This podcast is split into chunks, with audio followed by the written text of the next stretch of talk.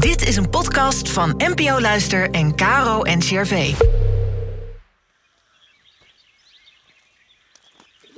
Welkom bij de Kloostercast. De podcast met antwoorden op alledaagse levensvragen vanuit de kloostertraditie. Inspiratie voor je dag.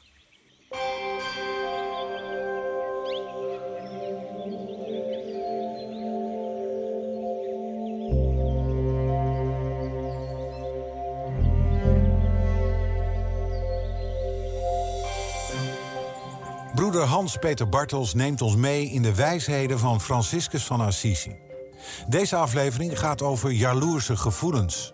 We kennen ze allemaal, maar wat doe je ermee?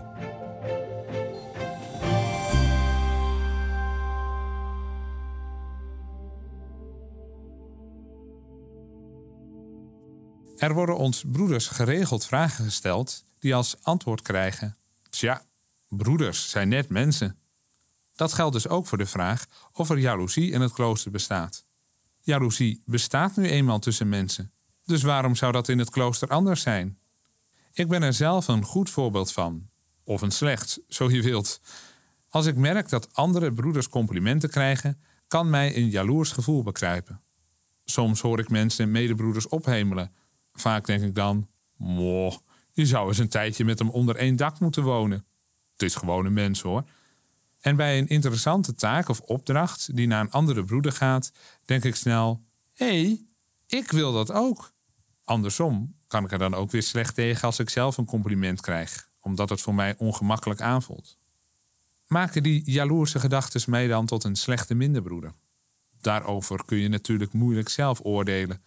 Laten we eens kijken wat onze ordestichter Franciscus van Assisi erover zegt.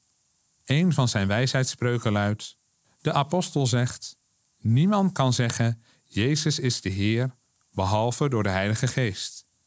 En niemand is er die het goede doet, zelfs niet één. Wie dus jaloers is op zijn broeder om het goede dat de Heer in hem zegt en doet, maakt zich schuldig aan godslastering. Want hij is jaloers op de Allerhoogste zelf, die al het goede zegt en doet. Nou, daar kan ik het mee doen. Maar hebben we het hier wel over hetzelfde? Ik ben namelijk niet jaloers omdat een broeder beter kan koken dan ik, mooiere teksten kan schrijven dan ik of groenere vingers heeft dan ik. Het is meer een kwestie van het gevoel hebben zelf over het hoofd gezien te worden.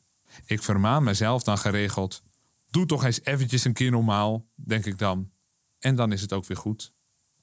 Gelukkig heeft Franciscus van Assisi ook nog iets bemoedigends te zeggen in zijn wijsheidsspreuken.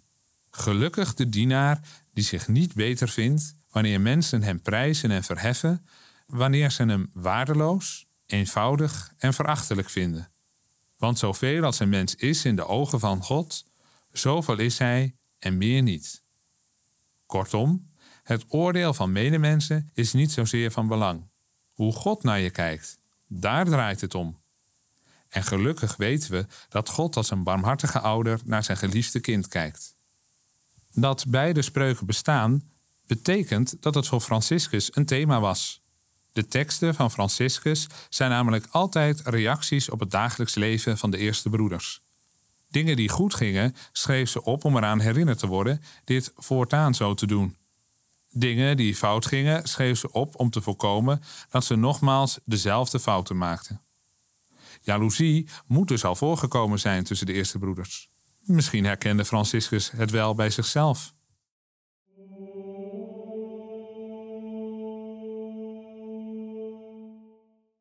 Jaloezie is een gevoel dat ons allemaal kan overkomen. Daar kun je weinig tegen doen. De vraag is alleen: wat doe je ermee? Verman je jezelf en zet je je eroverheen, of blijf je in het gevoel hangen, zodat het de relatie tussen jou en de ander beschadigt? In die keuze zit het hem. Daar heb je invloed op en daar kun je ook op beoordeeld worden. De vraag die je het beste kunt stellen is: wordt de wereld er mooier van als ik hierin blijf hangen? Zelf denk ik dat er maar één antwoord op mogelijk is. Uit het dagelijkse getijdengebed past daar Psalm 37 goed bij. De schrijver roept ons op niet vertoornd of afgunstig te worden. In sommige andere vertalingen staat daar jaloers. Psalm 37. Vertrouw aan de Heer uw levensweg toe. Hij zal ervoor zorgen. Wacht rustig af wat de Heer gaat doen. Stel heel uw vertrouwen op Hem. Benijd niet degene die voorspoed geniet, de man die kwaad in het schild voert. Wees niet vertoornd en maak u niet boos. Word niet afgunstig, dan doet ge geen kwaad. Want ieder die kwaad doet, wordt uitgeroeid. Maar wie op de Heer hoopt, beërft het land. Vertrouw aan de Heer uw levensweg toe.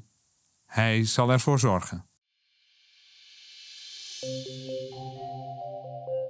Maria van Mierlo duikt de volgende aflevering in de geheimzinnige vraag: Kunnen leven en dood vrienden zijn?